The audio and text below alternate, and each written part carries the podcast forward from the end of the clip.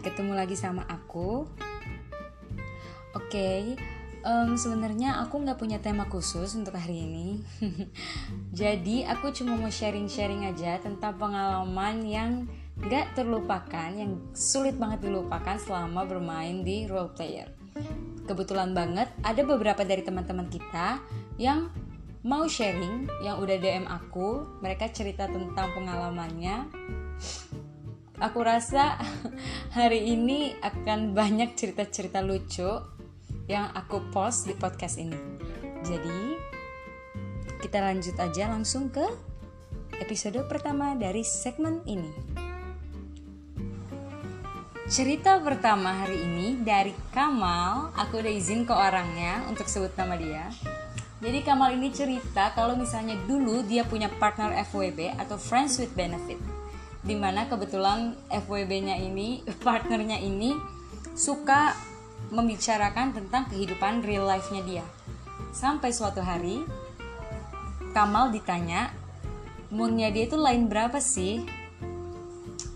Karena Kamal waktu itu baru join di RP dia bilang kalau dia udah kuliah di mana itu bikin partnernya kaget banget karena dia sendiri ternyata masih kelas 11 kelas 11 itu berarti 2 SMA ya. Karena hal itu besoknya partnernya ini tuh deaktif. Bahkan sampai sekarang kamu nggak tahu dia itu back atau enggak um, gimana ya lucu aja dengernya. Kenapa kalian harus ngerasa malu? Kalau ternyata tuh kalian lebih muda dari partner kalian. Maksud aku kelas 11 itu kelas 11 SMA sama anak kuliah itu ya masih wajar lah ya beda umurnya.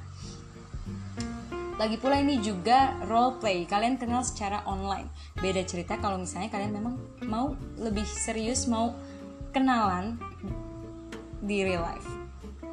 Jadi menurut aku sih seharusnya kalian nggak perlu malu so thank you Kamal untuk cerita hari ini.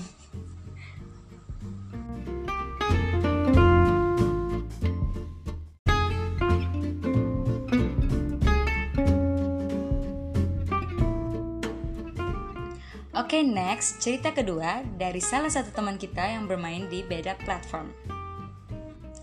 Jadi dia bilang, kayak di Twitter, kalau mau cari temen gitu pasti lewat base sedangkan di lain itu menggunakan LPM atau lapak promote. Nah, dulu dia ini hobi mengoleksi LPM untuk mencari teman. LPM yang dia join, membernya 300 ke atas.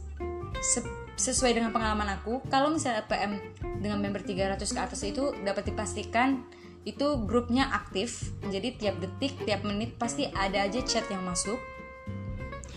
Kebetulan banget waktu itu dia punya couple couple dia dulu suka minta jatah Nana Nino.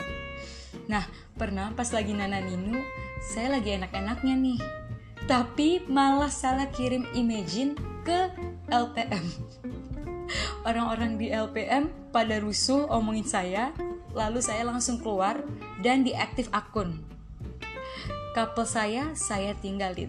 Saking malunya. Mungkin karena dulu sebelum diupdate uh, di lain itu belum ada fitur pinned chat ya. Jadi uh, chatnya itu suka balapan rame sama kayak sama aja kayak di DM Twitter. Kalau misalnya kalian punya grup yang aktif pasti kan balapan sama chat-chat lainnya yang gak aktif. So aku harap kamu lain kali lebih hati-hati. Makasih untuk cerita kamu hari ini yang bikin mood aku cukup membaik Have a nice day.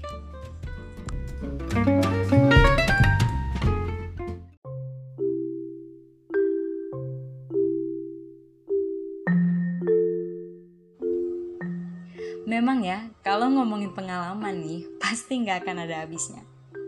Kalau gitu kita next lanjut ke cerita ketiga. Menurut salah satu teman kita, Role Play World mengajarkan dia suatu kehidupan tanpa memandang limitasi. Sadar atau tidak, kita bisa aja nimbrung di TL orang atau nyapa gitu aja. Bahkan kita nggak kenal dia siapa. Sedangkan di kehidupan nyata, kita cenderung punya limit yang mengakibatkan seseorang menjadi minder, insecure, atau takut, dan sebagainya. Pernah nggak sih kalian di cafe nih, terus nimbrung ngobrol gitu aja, padahal nggak kenal? Nggak pernah kan? Karena kita punya limit yang tadi. Sekarang, kita lanjut ke bagian orang-orang yang mampu membuka limitasi dari salah satu teman kita. Teman kita ini join di tahun 2017-an. Dan begitu banyak orang yang dia kenal. Banyak momen sedih, senang, sering gosip, momen yang aneh, dan lain-lainnya. Meskipun online, tapi tetap aja terasa nyata. Karena manusia punya ikatan emosi. Namun, seperti biasa, mereka datang dan pergi. Ada yang datang karena penasaran lalu terjebak dengan kenyamanan. Uh, Nyaman itu memang jebakan, guys. Namun, ada juga yang datang karena sebuah pelampiasan. Begitupun dengan pergi. Ada yang pergi karena bosan, namun ada juga yang pergi karena sudah tak sejalan. That's fine, hidup itu adalah pilihan. Dan salah satu teman kita ini merasa beruntung juga senang karena bisa kenal sama orang-orang yang bahkan dia sendiri belum tahu pasti wujud asli mereka kayak apa. Terlepas dari baik atau buruknya perlakuan mereka, dia selalu percaya bahwa setiap user punya niat yang baik. Ini hanya masalah sudut pandang dan perspektif saja. Untuk ini aku juga setuju sama teman kita. Hmm, aku, tuh biasa aku juga merasa beruntung di sini bisa ketemu dengan orang-orang yang baik. Dan aku juga jujur nggak pernah merasa menyesal bisa kenal dengan mereka walaupun mungkin beberapa dari mereka pernah menorehkan luka. Aduh bahasaku menorehkan luka. Tapi aku ya yeah, I'm so happy. Like aku bisa ya kok aku bisa sih punya teman sedekat itu kok aku bisa sih percaya sama orang begitu aja yang bahkan aku belum tahu mereka tuh sebenarnya kayak gimana tapi balik lagi ini semua hanya masalah sudut pandang dan perspektif saja. Oke, okay.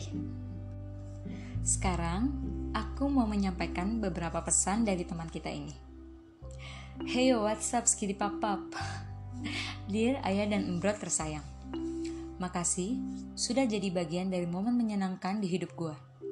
Kita belum pernah bertemu dan mungkin gak akan pernah bertemu Meskipun begitu, gue selalu berdoa untuk bisa dipertemukan dengan orang-orang baik seperti kalian. Oh, panjang umur dan sehat selalu ya. Salam dari anak kompleks sebelah. Terima kasih sudah mau sharing cerita kamu untuk hari ini and have a nice day. So guys, aku rasa cukup dulu cerita untuk hari ini. Terima kasih pada ketiga teman kalian yang mau berbagi ceritanya denganku. Juga terima kasih buat kalian yang mau mendengarkan podcast ini. Sampai jumpa di next episode dan next segment. Bye bye.